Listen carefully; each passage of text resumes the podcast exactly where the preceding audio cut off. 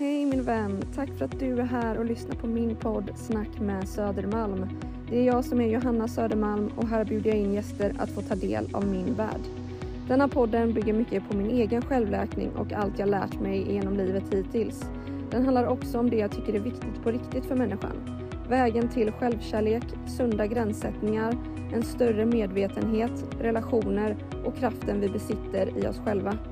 När vi återupptäcker vad vi bär på så ser vi att vi redan är allt vi drömt om. Denna podden är helt oredigerad vilket känns viktigt och vackert att få låta essensen mötas i samtal med full närvaro på ett sant sätt. I det autentiska bidrar vi till trygghet, visdom och kärlekens kraft. Att få vara sig själv fullt ut är det finaste vi kan ge oss själva och andra. Och det finns en enorm läkande kraft och styrka i det. Varmt välkommen till ännu ett avsnitt. Hoppas att du får en trivsam lyssning. Varmt välkommen till eh, min podd får jag lov att säga till Görel Fred. Varmt välkommen. Tack så mycket. Tack, tack, tack. Det känns eh, otroligt roligt att få ha dig här den här stunden tillsammans med mig och till den som lyssnar idag och eh, få din expertis, expertis inom området, för det känns som att du är ett riktigt proffs på det här som vi ska prata om idag. Mm. Eh, och du är ju psykoterapeut, föreläsare och författare bland annat. Mm. Eh, och har jobbat eh, med den här frågan kring just relationer i över 30 år, om jag har förstått mm. det rätt. Mm. Kan inte du, du får jättegärna ta det utrymmet att eh, berätta lite så att, så att jag och lyssnarna får en, en eh, större bild och, och känsla och förståelse för, för vad du jobbar med och hur du hjälper människor. Mm. Jag jobbar ju med, jag är ju socionom från början eh, och sen har jag vidareutbildat mig till eh, legitimerad psykoterapeut och min specialitet har alltid varit eh, det man kallar familjeterapi. Att jag är väldigt eh, nyfiken på och intresserad av och tycker att det är väldigt, vad ska man säga, hjälpsamt att tänka sammanhang. Vad är det som liksom påverkar oss? Och att eh, det som påverkar oss är ju relationer vi lever i, det är de som skapar oss. Så att jag är en person som gärna har liksom flera personer i rummet när jag jobbar. Jag jobbar också med människor en och en. Det kanske är det mesta jag gör, så att säga, att jag har en person i rummet, men jag tänker väldigt mycket eh, relation och jag säger väldigt ofta till människor, du får gärna ta med dig din mamma hit eller din pappa hit eller din sambo hit eller dina barn hit. Eller så. Och så jobbar jag, så jag är van att ha flera personer i rummet. Sen, det är en av de saker jag gör, men sen handleder jag också mycket människor som jobbar med människor, så att jag handleder kuratorer och socialarbetare och frivilliga. Så jag har, jag har hållit på och handlat i väldigt många år och så föreläser jag och sen är jag lärare. Jag är lärare i psykoterapi. Så att jag mm har eh, en det man kallar en steg 1-utbildning, en så här grundläggande psykoterapiutbildning som jag är huvudlärare för här i Stockholm på Marie Cederschiölds högskola. Eh, och jag eh, tycker, eh, som sagt, jag blev klar socionom 86 och jag har inte tröttnat än på att möta människor för jag tycker det är så vansinnigt kul och spännande och svårt. Och att du eh, fick nys om mig handlar ju om att jag för, eh, vad är det nu då? Jag har ju varit med ganska, Eh, inte mycket, men jag har en del i både tv och radio och tidningar och en av de eh, radioprogram jag har varit med i heter Kropp och själ och går på P1 och där så var jag med i olika ämnen, men ett av ämnena hette Måste man försonas med sina föräldrar? Och när vi gjorde det avsnittet eh, så blev det världens liksom, eh, intresse. Det var jättemånga som skrev in till redaktionen. Och då frågade jag hon som har det här programmet som heter Ulrika Hjalmarsson Neideman om inte hon och jag kunde skriva en bok om det här. Och så gjorde vi det och den kom för åtta år sedan, den boken. Och den heter Försonas med din barndom och kanske dina föräldrar. Mm. Och den boken resulterade sen i att jag startade min podd som heter Försoningspodden och jag har varit ute jättemycket och föreläst om det här ämnet. Bo, alltså i massa sammanhang, varit på stora konferenser och på, i små sammanhang och både yrkesverksamma och privata människor har lyssnat på mig om det här ämnet. Så jag tror att det är därför du har bjudit in mig för att prata specifikt om ämnet. Men jag jobbar ju också med mm, alltså parterapi och liksom andra saker. Övergrepp och jag, jag, jobbar med många saker. Men det här har blivit lite min, min, min specialitet tror jag folk tänker. Det är folk som säger det. När jag, när jag hör ditt namn så tänker jag på försoning. Så det är väl det, är väl det jag har liksom nischat in i. Fast jag gör massa annat också. Mm, vad fint, gud vad spännande. Du har, har inte du varit med i eh, Nyhetsmorgon och Malou efter tio och en jo. rad andra varianter jo. också? Var det, var det om försoning du pratade om där ehm, också? Vad sa du? Var det om försoning du pratade om där också eller var det någon annan fråga? Ja, och jag har varit, sen har jag varit med i, sen liksom har jag varit med i, jag, jag pratat om vad, vad, betyder pengar i människors liv relationellt? Varför börjar man bråka om arv när man har när man inte behöver pengar? Och, alltså jag har varit med och, och pratat om eh, alltså föräldraskap och lite olika så.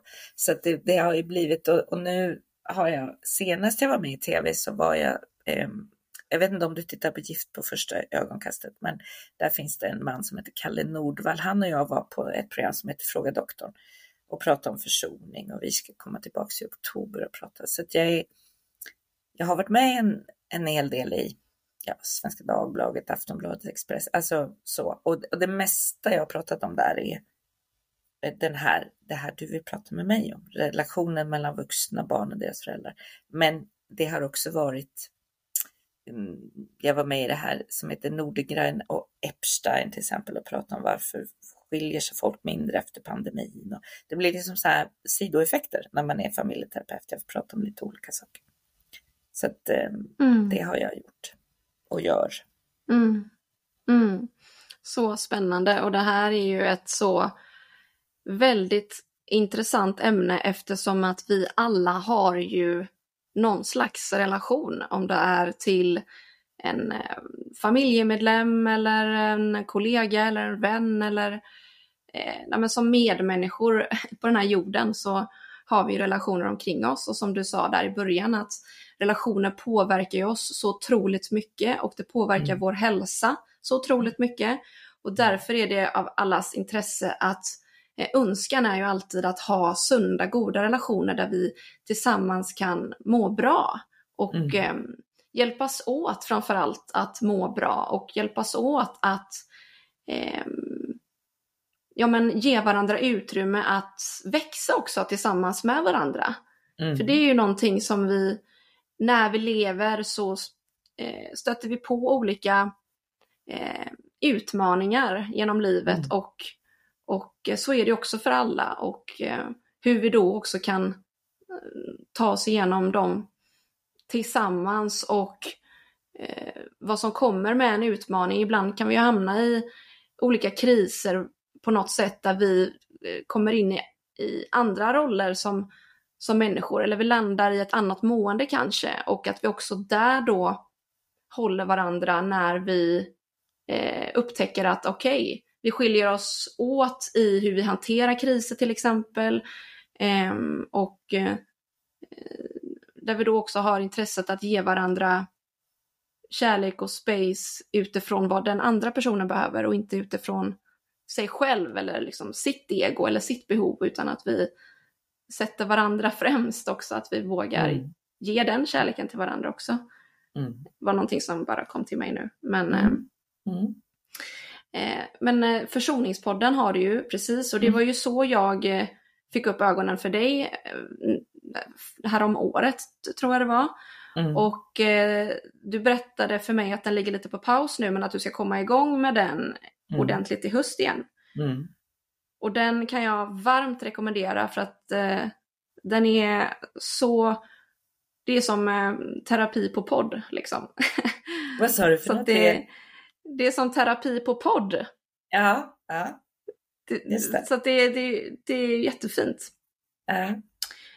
Och eh, sen så blev jag bara nyfiken också, jag måste få fråga dig innan vi går vidare. Du berättade i början att du tycker det är så roligt att eh, hjälpa människor och du har fortfarande inte tröttnat än och du tycker om det här att sitta eh, med flera personer i ett rum och bjud, Mm. bjud med familjen, bjud in familjen och se då den dynamiken och vad som händer där. Kan du inte bara säga så här, vad är det som är så roligt med det? Vad, vad är det som är det fina med det? Som gör att du brinner för det? Ja, vilken, vilken bra fråga. Ehm, mm, för liksom i mig så är det självklart, men jag ska försöka. Alltså för det handlar ju. ehm, ehm, hur ska man göra det här så det inte blir flummigt? Det är ju som man det får bli hur dela- flummigt som helst. Ja, okej, men man får liksom dela själva livet med människor. Alltså, jag tänker ju så här att ehm, den här relationen mellan barn och föräldrar, det är ju liksom vår absolut mest grundläggande relation. Liksom. Jag, jag valde inte att bli född av dig, men, men att jag kom till just dig skapar mig. Liksom. Det är ju den som gör mig till den jag blir. Sen är det ju andra saker som påverkar oss, men vi får ju väldigt mycket av vår grundläggande idé om oss själva. Till exempel eh, vem jag är eh, när jag behöver. Det är en sån sak man lär sig, vi kan komma tillbaks till det, men som man lär sig som litet barn. Är jag besvärlig när jag behöver eller tas jag emot när jag behöver? Och det där formar ju en väldigt mycket. Alltså är det safe att gå nära andra människor eller blir man bortvald om man går nära andra människor? Alltså man lär sig väldigt mycket så här grundläggande mönster som barn i den relationen. Och sen eh, har jag ju träffat väldigt många barn och föräldrar. Jag har ju jobbat med barn och föräldrar hela mitt liv. Men i takt med att jag har blivit äldre så har barnen blivit äldre om du förstår vad jag menar. Så när jag Mm. började jobba så var barnen eh, små eh, och nu så är barnen stora så nu är ju barnen i mina barns ålder så att säga. Eh, Mm. Och eh, inte, inte bara men det är där jag har varit mycket och att jag har träffat så många barn och även föräldrar som tror att de är olyckligt kära i varandra. Liksom. Eh, föräldrar tror inte att man är viktig för sina barn och barn tror inte att man är viktig för sina föräldrar. Och så är man väldigt olycklig över det såklart, därför att det här är en sån viktig relation. Och att få vara med och eh, liksom, det har ju hänt flera gånger i mitt rum på Södermalm där jag har min mottagning, att se hur liksom mm, föräldrar och barn, alltså föräldrar kan ta emot sina barn. För jag, är ju, jag, jag tycker ju att det är förälderns uppgift. Alltså att, att mycket mer än barnets uppgift. För så är det när du blir förälder. Du är, har alltid mer ansvar för relationen än ditt barn. Och jag Mm. brukar säga det till de föräldrar och barn som kommer till mig att så tänker jag. Jag brukar säga till föräldern om din mamma hade varit här hade jag sagt det till henne. Och så brukar jag säga till barnet, alltså det vuxna barnet, om du kommer med ditt barn kommer jag säga det till dig. Det är så det är att föräldrar alltid är mer ansvariga för en relation än barnet hela livet. Alltså, sen när barnet växer så blir det ju att barnet får också ansvar, men, men det är ändå alltid och när, när jag får med mig föräldrar på det, för det får jag nästan alltid. Och de kan ta emot sitt barn och sluta liksom vara så skuldbeläggande och så, ta emot sitt barn, höra vad barnet säger och be om ursäkt, för det handlar väldigt ofta om det. Eh, att man inte förmår att vara den förälder som man vill vara. Eh, så har jag sett flera gånger sådana där, alltså det är sådana ögonblick som man bär med sig i hjärtat jämt. Hur man ser liksom en förening mellan två människor som i grund och botten ju betyder mycket för varandra och älskar varandra ofta. Och så får jag vara med Mm. och bygga de broarna. Det finns ju inget bättre jobb, tänker jag. Det Mm. är fantastiskt. Ja, fint. Ja, fantastiskt. Gud vad härligt. Nu blev man så här, landar i bomull i hjärtat när du berättar detta. Ja, Gud vad härligt. Men, och då ska jag komma och, och förstöra det nu. Nej jag skojar. Nej men jag tänkte, för att jag kan inte låta bli att tänka på den här, för du sa så här, jag får alltid med mig föräld- de flesta föräldrar på detta. Ja. Men de föräldrarna som du inte får med dig på detta, vad Ja. händer där och vad beror det på? Ehm, ehm, jag tänker så här att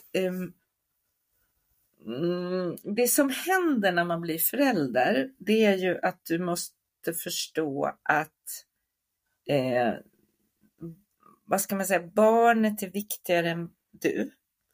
Därför att du föder ett barn, du tar emot ett barn som inte klarar sig om det inte sätts i centrum. Är du med mig? Alltså barnet måste få allt utrymme för annars så dör ju barnet i värsta fall. Om inte jag tar hand om mitt barn och ger det mat och så, så kan det ju dö liksom. Så barnet kommer ut i totalt beroende. Eh, och du måste som förälder stå ut med att sätta dig själv lite på paus som människa när du får barn. Sen får du ju väldigt mycket av ett barn, men om vi tar liksom en grundstruktur så är det ju så att eh, du, du måste liksom klara av att eh, inte själv, jag, min, mitt äldsta barn är ju själv förälder så att jag har sett det här på nära håll nu igen att han får liksom han kan inte duscha när han vill, han kan inte gå på toa när han vill, han kan inte äta när han vill, han kan inte sova när han vill. Alltså våra mest grundläggande behov får du ju sätta på paus när du blir förälder. Och är du själv liksom barn till en förälder, alltså jag pratar om föräldern är barn till en förälder som inte har förmått det här, så kan föräldern tycka att det är väldigt provocerande för den har inte lärt sig att lämna utrymme så att säga, för den fick inte det av sin egen förälder. Så att det finns ju föräldrar som skaffar barn för att få mer än att ge. Alltså de ska få sina behov tillgodosedda. Det finns en, i en bok som jag läste så stod det typ så här, om du blir det barn jag behöver så kan jag vara den förälder du behöver. Alltså mm. du ska mm. fylla mig mm. först. Du ska fylla mig, du ska tycka att jag är god och snäll och tar om hand. Men det ingår inte i kontraktet att du ska hålla på och gråta hela natten fast jag har försökt att vagga dig och ta hand om dig. Jag har ju träffat föräldrar som på riktigt tänker att en sju månaders bebis manipulerar dem. Liksom. Märker du att när jag vill vila så börjar hon att gråta? Det finns ju liksom mm. ingen sju månaders barn som kan manipulera, utan det är ju liksom min egen, um, så att säga, eh, min egen oförmåga att kunna sätta mitt barn i centrum.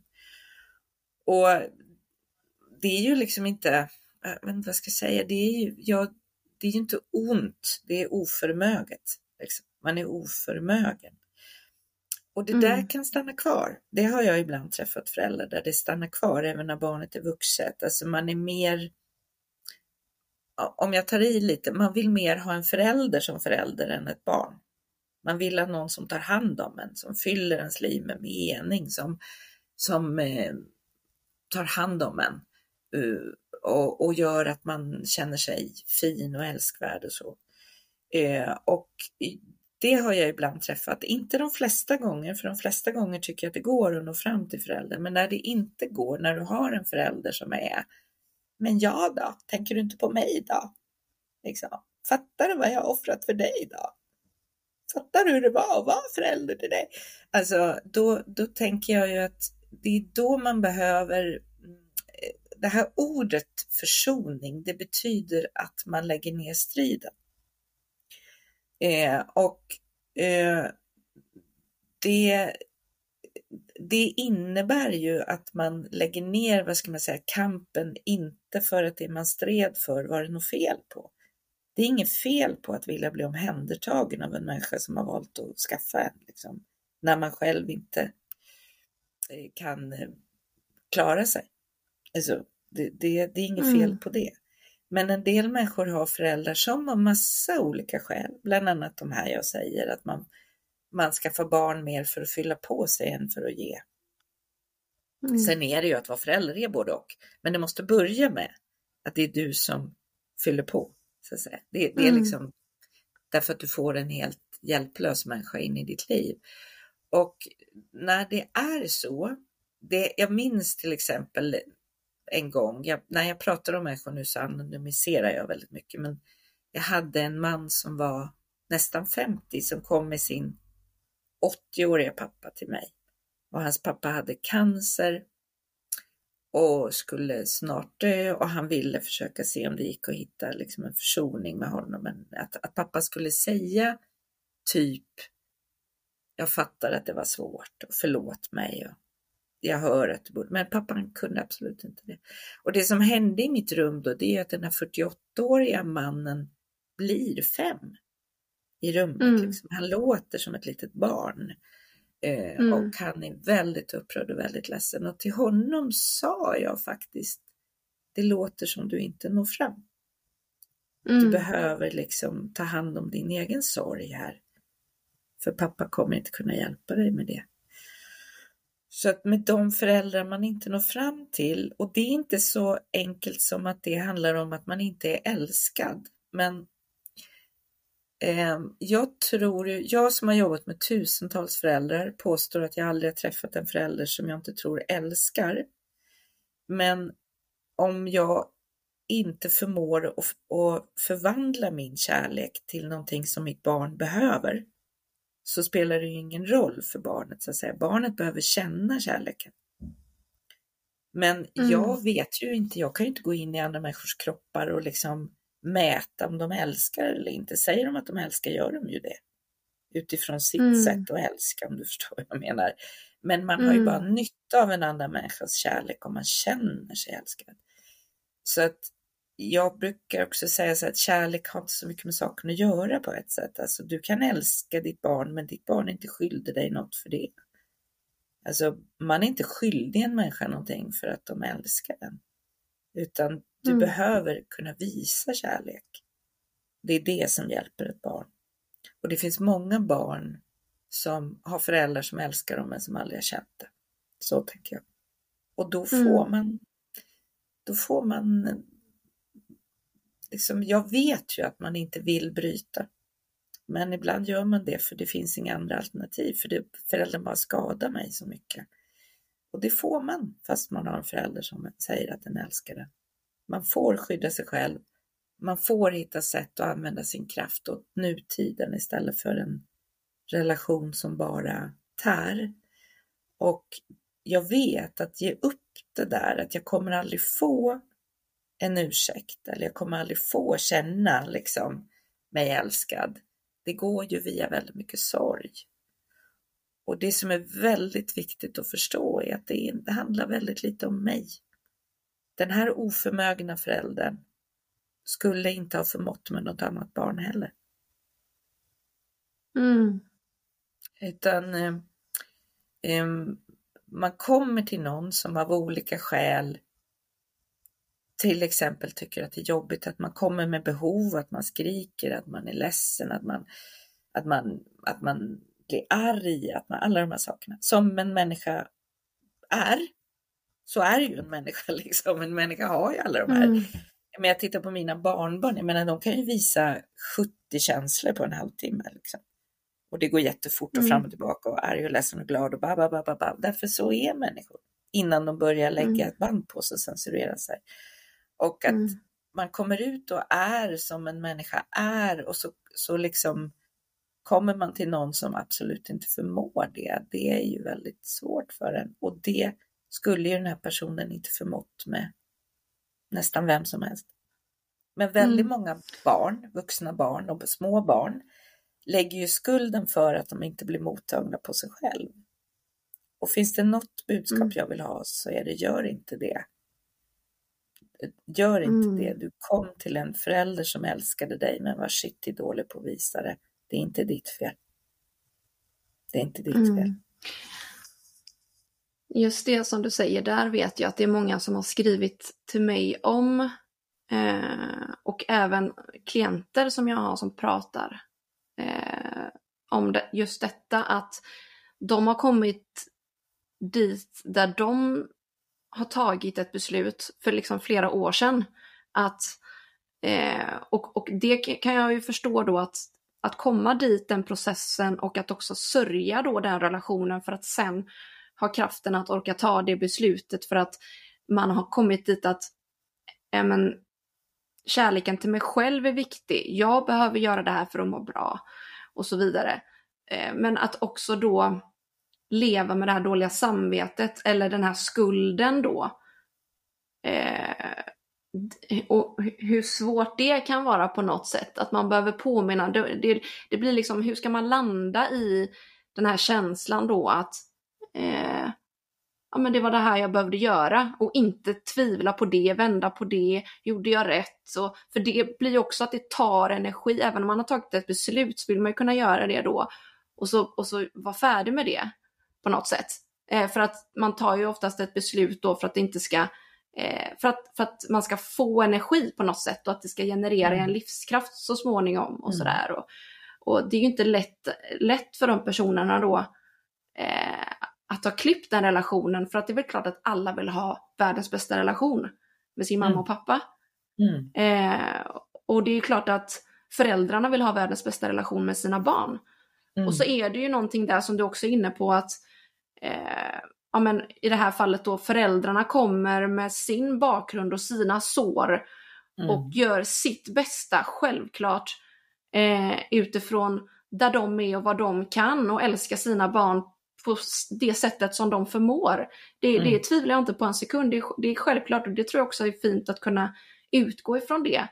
Eh, och sen då som ett vuxet barn så behöver man titta på eh, om den här föräldern inte har gjort jobbet med sig själv eh, mm. eller inte ser sig själv och mm. förstår att den, den här föräldern kommer inte göra det. Okej, då behöver jag vända mm. mig inåt och jobba med mig själv och jobba på mitt sätt. Vad behöver jag hamna? Vad behöver jag göra? Eh, och hur, hur, vad behöver jag titta på för att läka mitt? Så att jag inte för mm. vidare det till mina barn och så vidare då. Mm. Eh, för att annars så går ju det oftast, eh, alltså mönster ärvs väl? Eller är det inte så? Mm. Oftast. Och, jo, mm. och sen, sen, tänker jag ju så att jag, jag, tänker ju aldrig att vi gör bara själv, utan jag tänker ju att det är genom att vi är i andra kärleksfulla relationer som vi också kan läka att man också förstår att det är ett jobb som jag kan göra med människor som är mer, vad ska man säga, människor jag älskar mer i nutid eller vad jag ska säga, min, mina, min partner eller mina bästa vänner eller att, att liksom också förstå att jag kan, att jag, jag tror ju alltid att man skapar sig själv tillsammans med andra. Det är liksom så här viktigt för mig att tänka så. Att man behöver också släppa in då andras bilder av mig eller annan interaktion. Och precis som du säger, som jag tycker är jättefint att du säger, det handlar ju liksom om att, eh, att, att släppa sig själv mer till nutiden än att vara kvar i dåtiden. Liksom. För att vi har ju bara ett visst antal timmar och energi varje dag. Och om väldigt mycket av den energin går till att varför, varför, varför säger hon inte förlåt, varför älskar hon mig inte, varför, vad har jag gjort? Så tänker jag ju att jag blir inte så närvarande med mina egna barn eller mina egna vänner mm. min egen partner.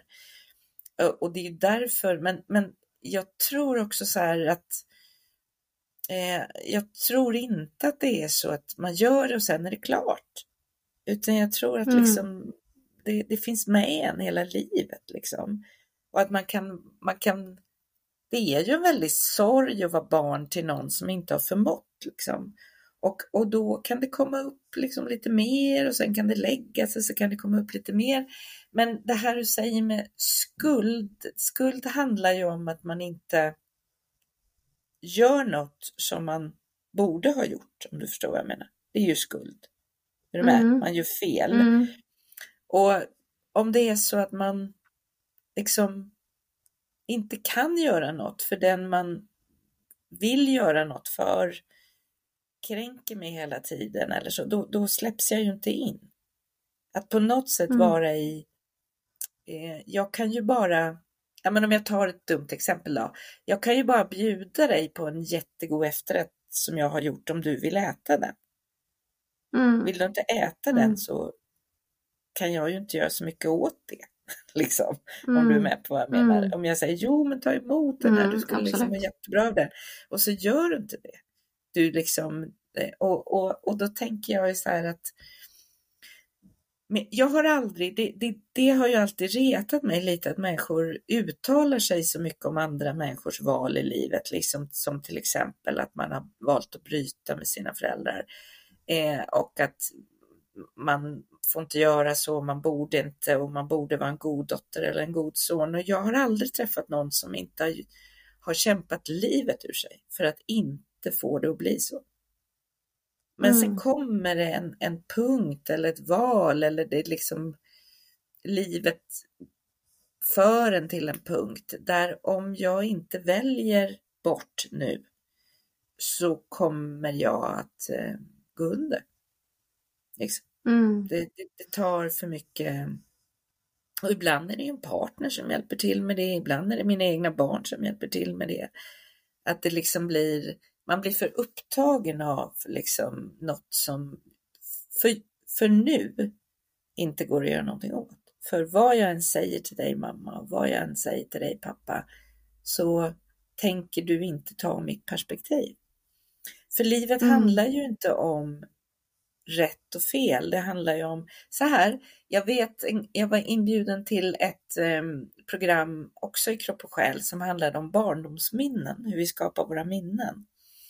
Mm. Och eh, då, då berättade jag den här historien om när jag var liten. Jag är uppvuxen i en förort, en söderförort. Och där ganska nära mitt hus så fanns det en jättestor pulkabacke och jag minns den. Det var en jättestor pulkabacke. Det var jätteläskigt att susa ner för den. Och jag hade många minnen av den och jag minns när jag tappade min godispåse där i pulkabacken och det tog mig så lång tid att samla ihop för den var så stor.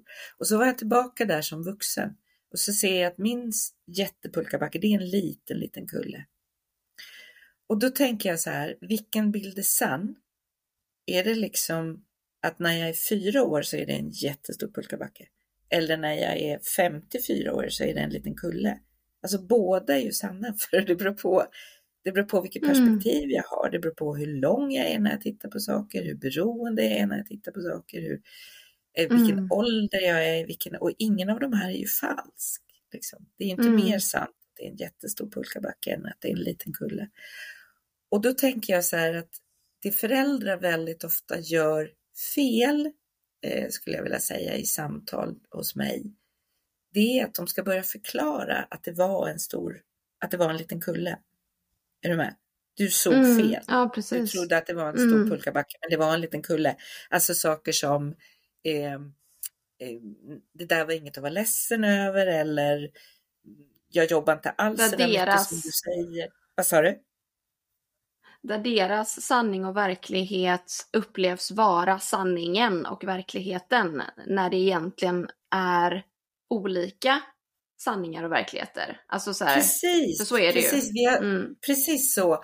Och i min bok så har jag med ett exempel på, på eh, jag tycker den är så fin. Det var en, en bildlärare någonstans som um, undervisar i en skola som ligger nära en stor, stor kyrka här i Stockholm city. Och då brukar hon varje höst ge som uppgift att eleverna ska gå ut och måla den där kyrkan och de får välja vilken, de får välja liksom kritor eller akvarell eller blyerts och de får stå var som helst och måla kyrkan. Och så när de kommer tillbaka så har alla olika bilder av kyrkan.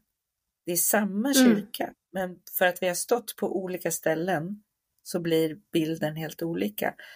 Och det som gör att en försoning blir möjlig mellan föräldrar och barn, alltså det jag kallar mm. yttre försoning där du och jag kan mötas liksom. För den, en, en försoning är ju, det går inte att möta dig, då måste jag ge upp kampen själv. Det andra är ju att det går att möta dig, jag kan få, att du kan säga förlåt till mig. Och en av de eh, eh, väsentliga punkter här, det är ju när en förälder kan fatta. Hon har sett en jättestor pulkabacke när jag såg en liten kulle. Jag måste säga, mm. Görel, det måste varit stort och läskigt att fara ner från den inte. Det var väl inget att shoppa över, det var ju bara en liten gulle. Är du, är du med på mitt bildspråk? Mm, absolut, absolut, verkligen. Och, och, och när mm. det där händer, eh, det, jag vet en gång när jag hade en, en man i lite drygt 30-årsåldern som mötte sin pappa. Och pappan gick in så och försvara och det var inte så och ba, ba, ba, ba, Och så sa bara sonen rätt vad det var. Pappa jag skiter i dina förklaringar. Kan du inte bara säga förlåt? Mm. Och så gjorde han det. Och det var ett sånt där, du vet, moment när jag kände så här, wow, vilket jobb jag har. Liksom, jag får vara med när liksom, eh, på ett sätt när allt vänder. För efter mm. det så vände allting. Alltså när mm. pappan kunde göra så här så kunde sonen, så kände sonen sig mottagen och kunde liksom uh, han fick bli farfar, han hade inte fått vara det, han hade inte fått träffa sitt barnbarn och han liksom, det var väldigt mm.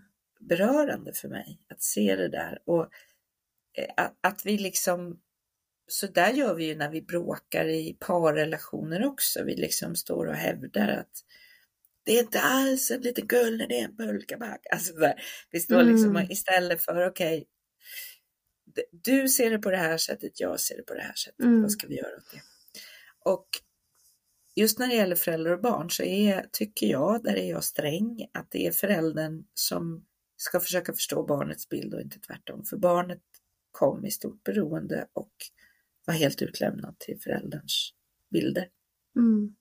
Det, det, är någonting väldigt eh, fint som du beskriver och då sitter jag och reflekterar lite över mig själv och mitt beteende och sådär. Och, um, och, och, och, kan då se den fina transformationen som har skett för att jag har velat titta på mig själv på något sätt. För att jag vill mm. verkligen utvecklas och lära mig av livet och, och mm. fortsätta mm. göra det i, så länge mm. jag finns här.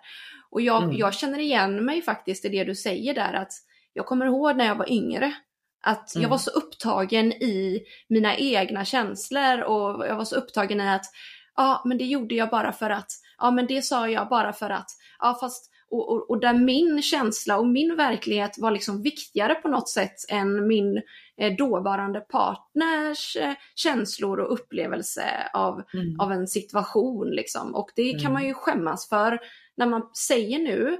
Eh, fast jag kunde ju och visste inte bättre då, men jag är så otroligt glad att jag har utvecklats och jobbat så mycket med mig själv så att idag, det som kommer till mig direkt i hjärtat, det är liksom så här, förståelsen, att, att jag, vill, jag, vill, jag vill förstå.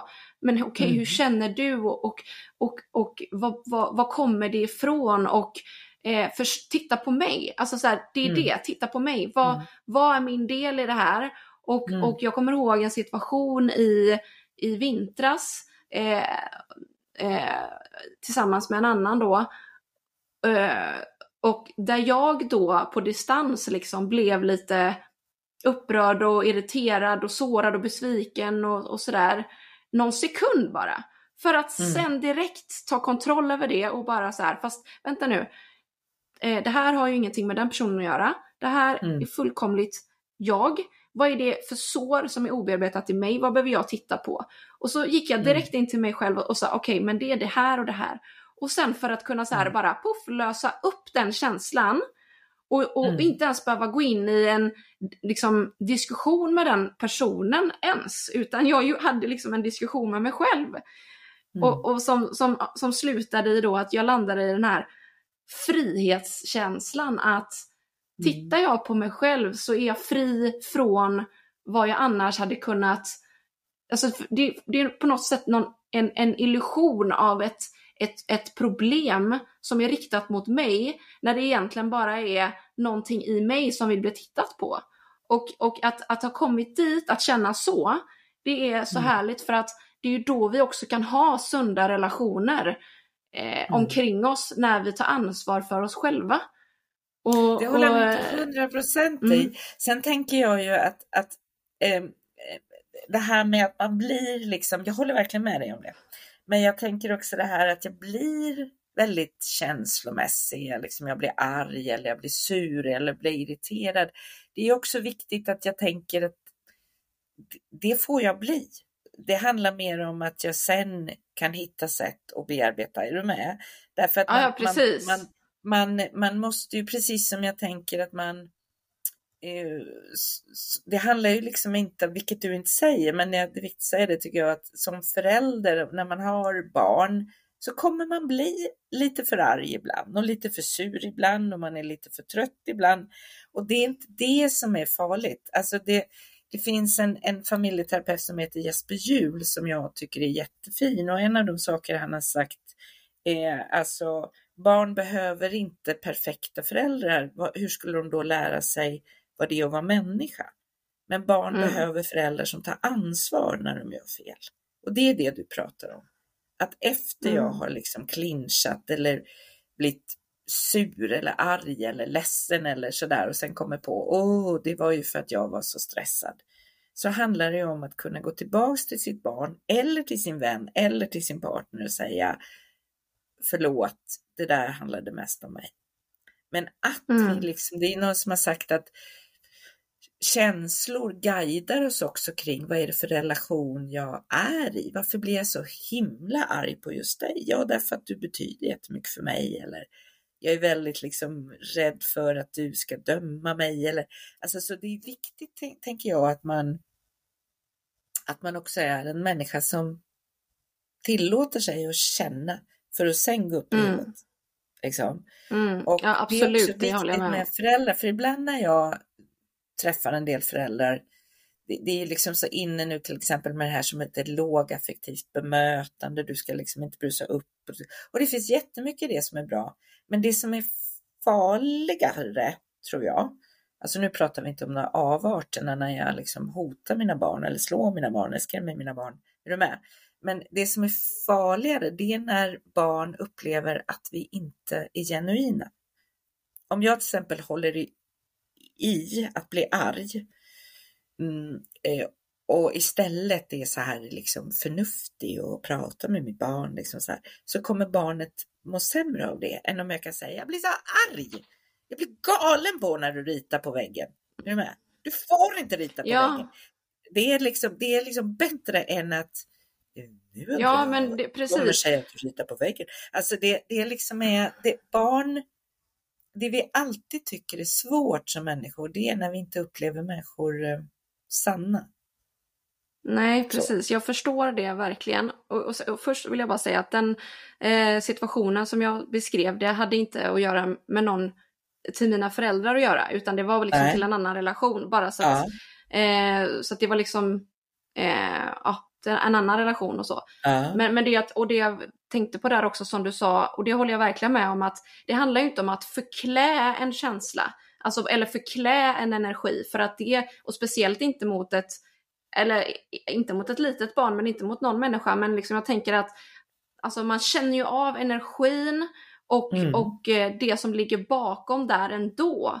Så att mm. för den sakens skull är det absolut viktigt att man fullt eh, liksom säger vad man känner.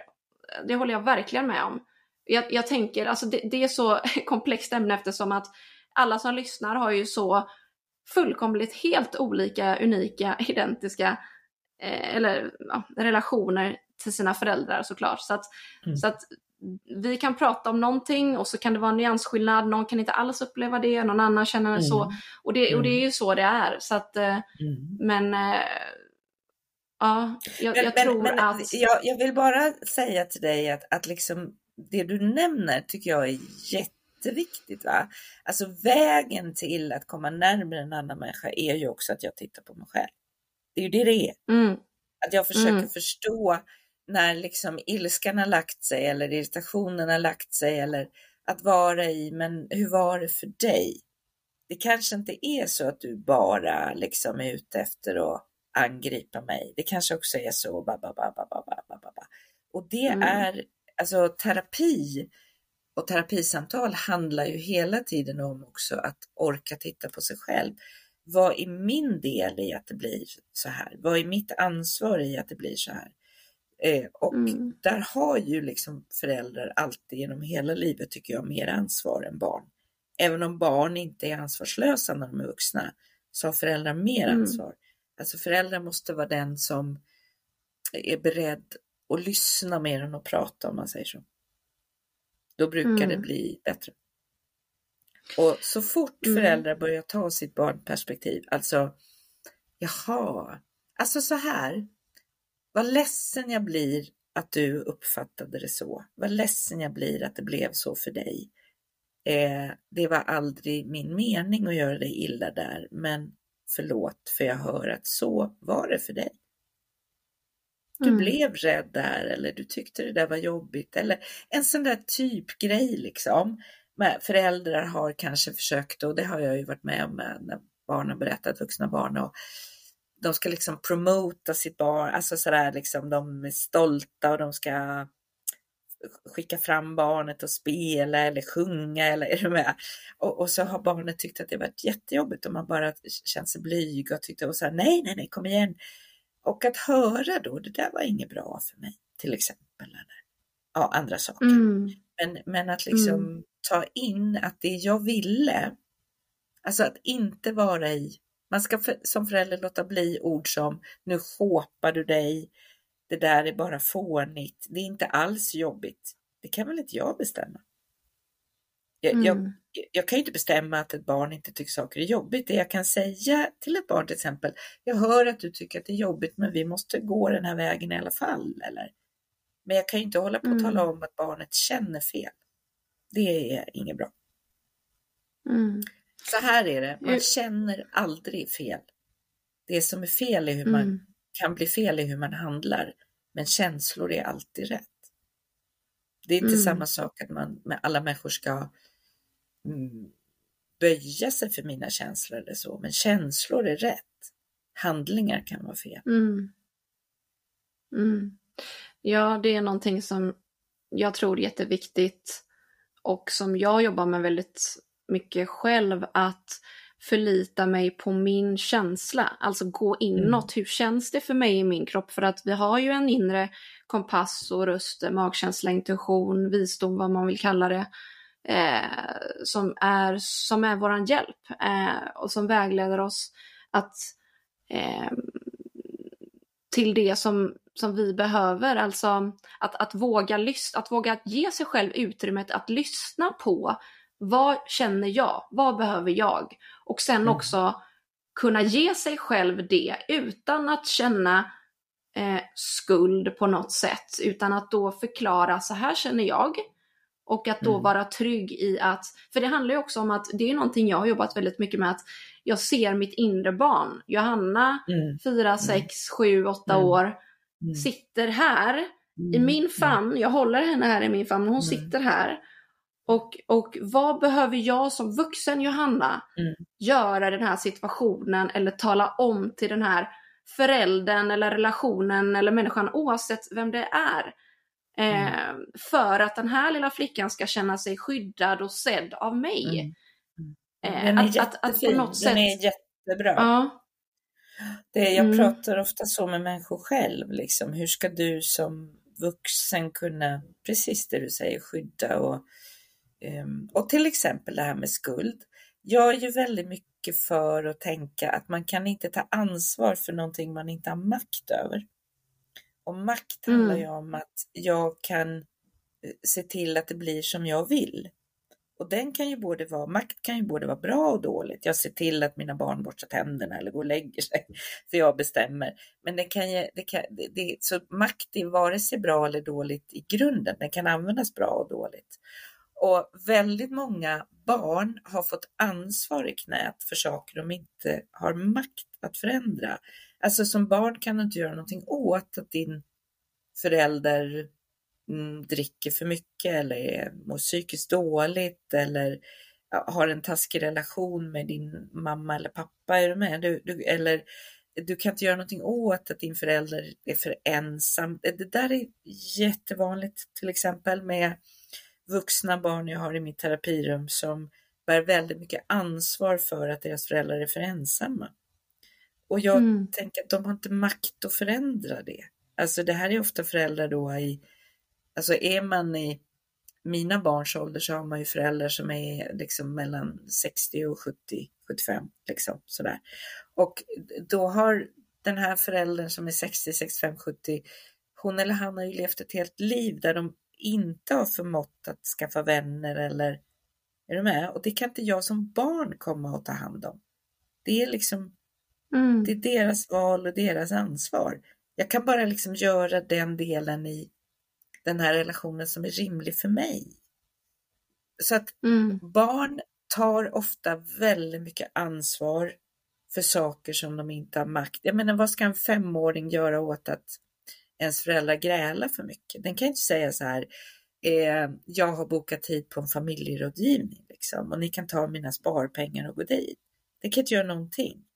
Och ändå är det mm. jättemånga barn som från väldigt låg ålder försöker trösta, försöker, försöker ge råd, försöker ta hand om föräldrar som inte funkar. Så att jag brukar säga så här, om du försöker ta ansvar för saker du inte har någon makt att förändra, då hamnar du i vanmakt. Därför du mm. kan inte ta ansvar över saker du inte har makt över. Alltså det går inte. Det där dumma exemplet jag tog. Jag kan inte ta, alltså vill inte du äta efterrätten jag ger dig kan inte jag göra någonting åt det. Det måste vara ditt val liksom. Mm. Fast jag vet att det här är en jättegod mm. efterrätt och du ska bli jätteglad. Och, och då tänker jag så här att skulden han, handlar ganska ofta om att man också har vanmakt. Att man inte kan fixa eh, omöjliga saker. Och jag säger ibland, du måste förlåta dig själv för att du inte är Gud eller trollkarl. Att du inte kan gå in och göra någonting åt det som du inte har någon makt att förändra. Och väldigt mycket av det som vuxna barn känner skuld över med sina föräldrar har de inte makt att förändra. Föräldrar lyssnar mm. inte på dem för de är vuxna. Liksom. Det, det hjälper mm. ju inte att jag ger min mamma en adressen till en dejtingsida eller är du med? Hon vill inte. Mm. Eller mm. letar upp 17 föreningar hon kunde gå med i för att skaffa vänner. Hon vill inte. Och jag kan mm. inte ta på mig att bära mina föräldrars oförmåga när de inte ger mig möjligheten att få komma in. Om jag fick bestämma skulle jag ju säga då, nu gör du så här och så går du dit och så gör du det och så slutar du dricka och så slutar du med det där och så. Men jag, jag kan ju inte det för människor tar ju sina egna val. Mm. Så att till människor som lyssnar nu och har mycket skuld så skulle jag vilja föra fram hypotesen att jag tror att de har mycket vanmakt.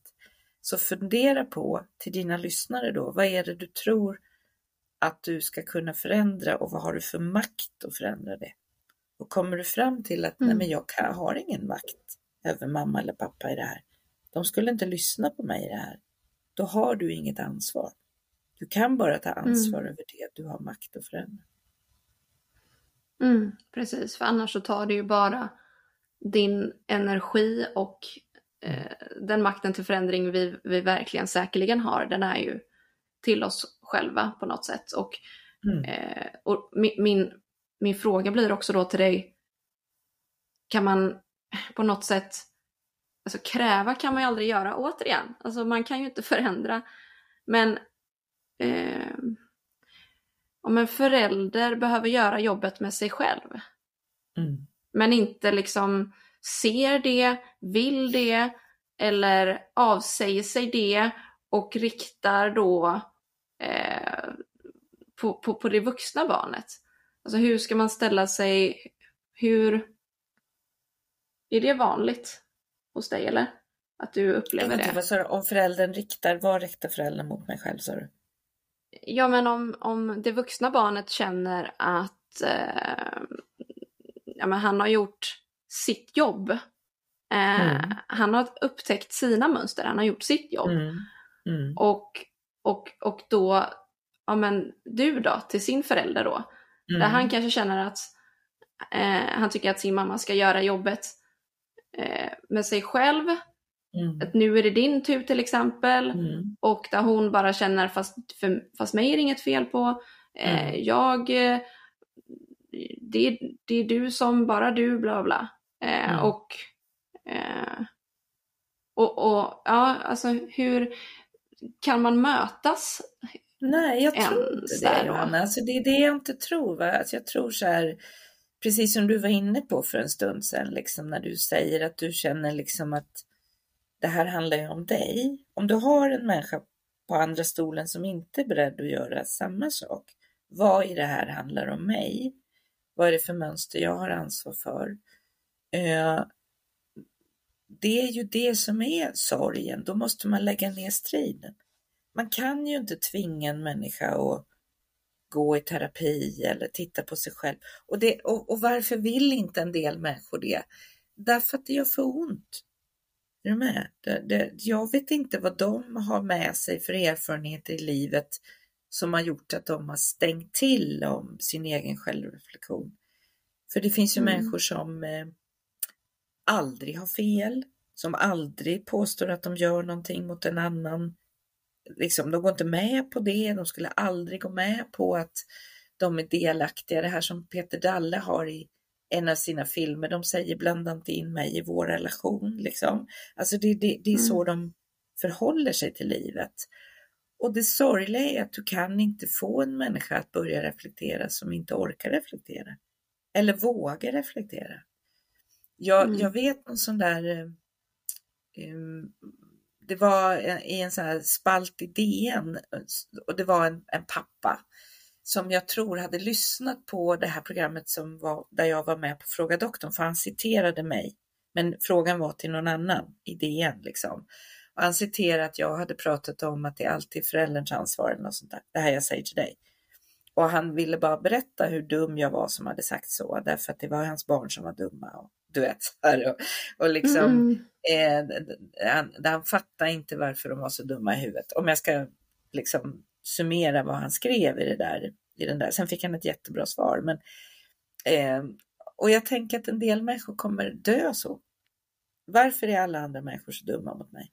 Varför fattar ingen annan vilka idioter de är och vad dumma de har varit mot mig och vad illa de har gjort mig, vad orättvisa de har varit. Och det är ju jättesorgligt om man har en person, en sån person till förälder. Och mm. det är då man måste på något sätt ta ett val kring hur mycket får det här kosta mig? Jag brukar ofta prata om vad saker kostar och vad det smakar. Om jag, om jag år efter år efter år inte når fram till en människa kring att du måste också titta på vad du gör mamma eller vad du gör pappa i vår relation. Eh, då får, måste jag lägga ner striden. Jag måste säga, vad sorgligt att jag hade en förälder som inte förmådde. Och att hon eller han inte förmådde har inte någonting att göra med mig. Det är inte jag som mm. frågar fel eller, eller liksom är för lite, för inte tillräckligt angelägen. Föräldern kan vara livrädd för att titta på sig själv. Jag har mm. träffat sådana människor som mm. det finns inte på deras världskarta att vända blicken inåt. Och varför är det så? Ja, det kan bero på jättemånga saker. Eh, men eh, det är ju så, det är som jag säger nu 17 gånger, det är jättesorgligt.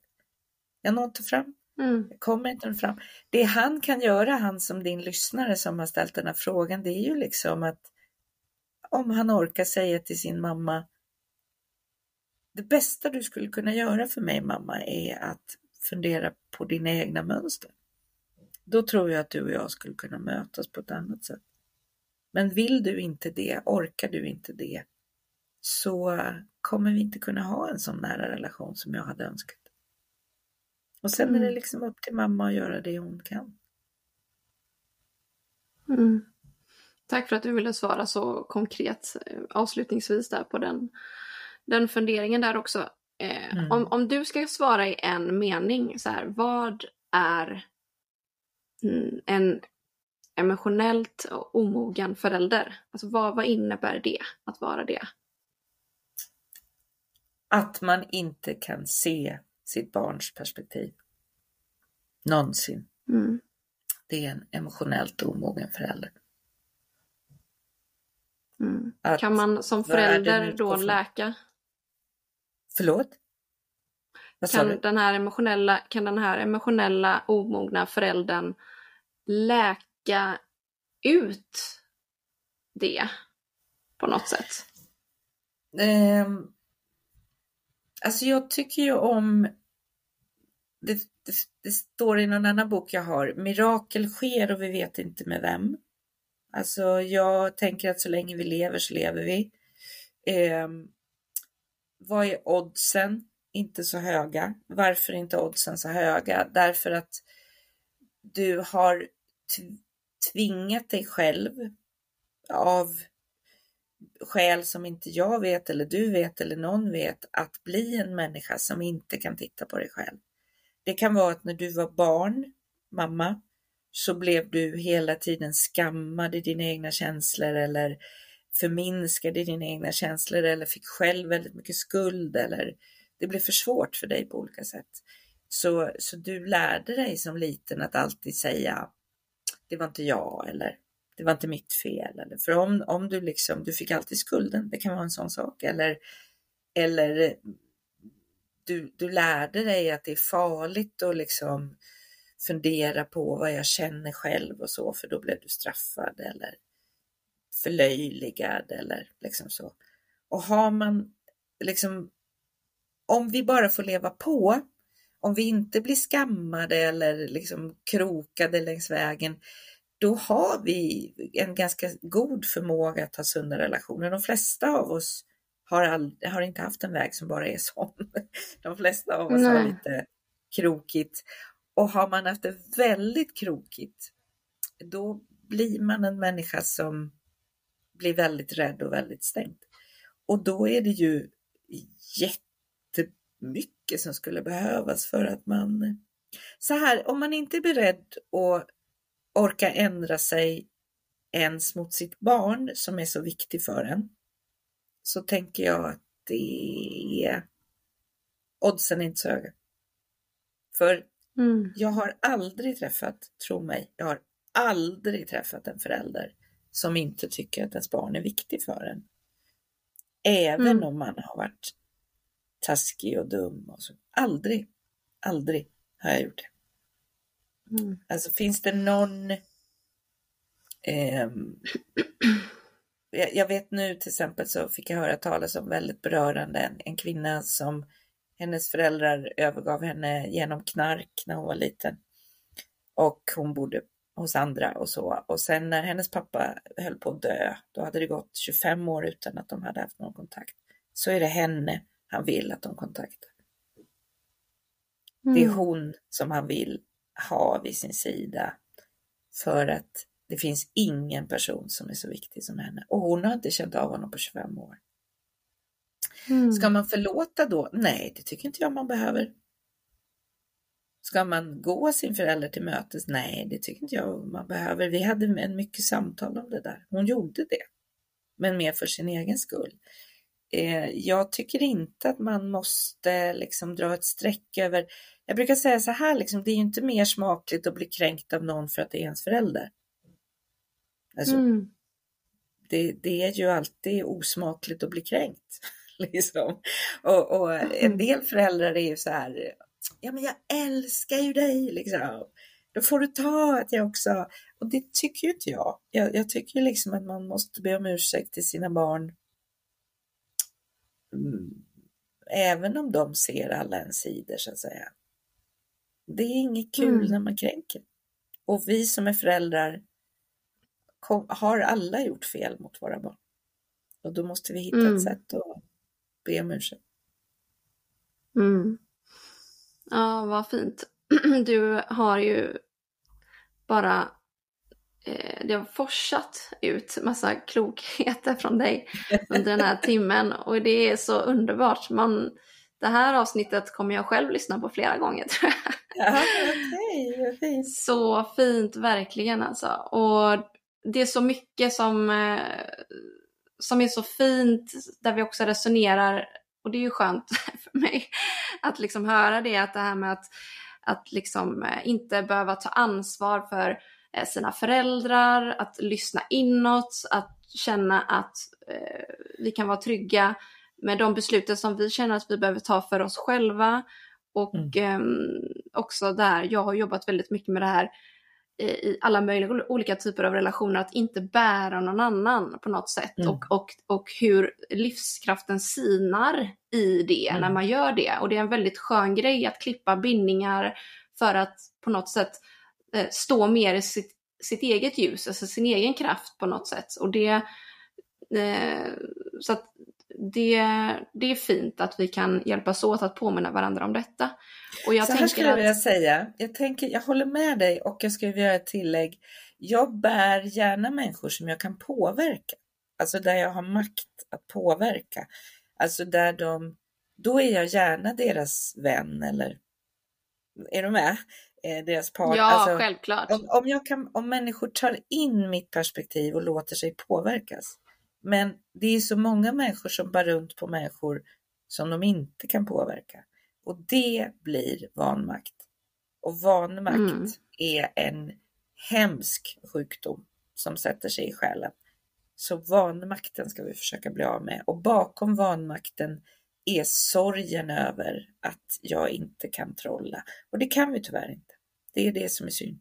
Att vi inte kan trolla och förvandla människor till någon som lär sig självreflektion eller lär sig ödmjukhet eller lär sig att säga förlåt. Vi kan inte trolla, tyvärr. Mm. Vi kan bara försöka bli Fri. sådana själva. Det är vad vi kan försöka. Ja, precis. För där ligger ju friheten på något mm. sätt. Mm. När vi kan omvandla och utveckla oss själva. Eh, mm. Görel? Ja. Stort, varmt tack för att du ville vara med i min podd mm. och för att du ville med den långa erfarenheten och kunskapen som du har sitta och dela den här med mig och mina lyssnare. Jag är väldigt tacksam för att du ville det och för att du tog dig tiden till att eh, vara med här idag mm. och hjälpa de som lyssnar till att lyssna på sig själva kring sina relationer. Tack för att jag fick vara med. Ha det så gott. Hej då!